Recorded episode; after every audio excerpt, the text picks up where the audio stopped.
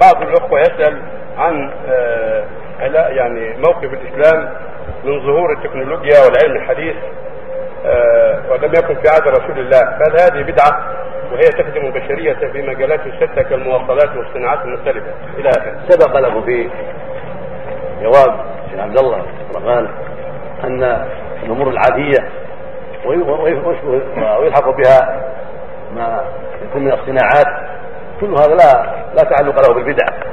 البدع ما يكون في القربات والطاعات والعبادات. هذه محل البدع.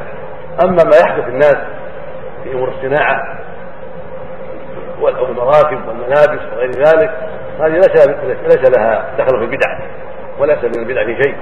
والإسلام يحث على العلم ويحث على ما ينفع الناس. كما قال النبي صلى الله عليه وسلم ينفعك واستعن بالله. ولا شك ان إن استنباط البترول وإيجاد الصناعات النافعة بما ينفع الناس في مراكبهم وفي مزارعهم وغير ذلك أمر مطلوب. وهكذا ما ينفع الناس في أطعمتهم وفي غير ذلك كله مطلوب وليس من البدع. لكن لابد أن يوزن بالميزان الشرعي. فما أحدث الناس من شيء يخالف شرع الله يمنع. أما الشيء لا يخالف شرع الله. جاز صالح المراكب والإخراج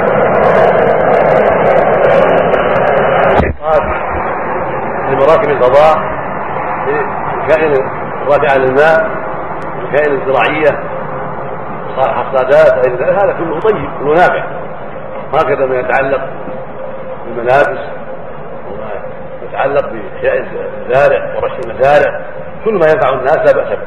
بشرط أن لا يكون محرم. الملابس إذا أحدث الناس ملابس من الحرير للرجال يمنع. لأن الحرير ممنوع للرجال.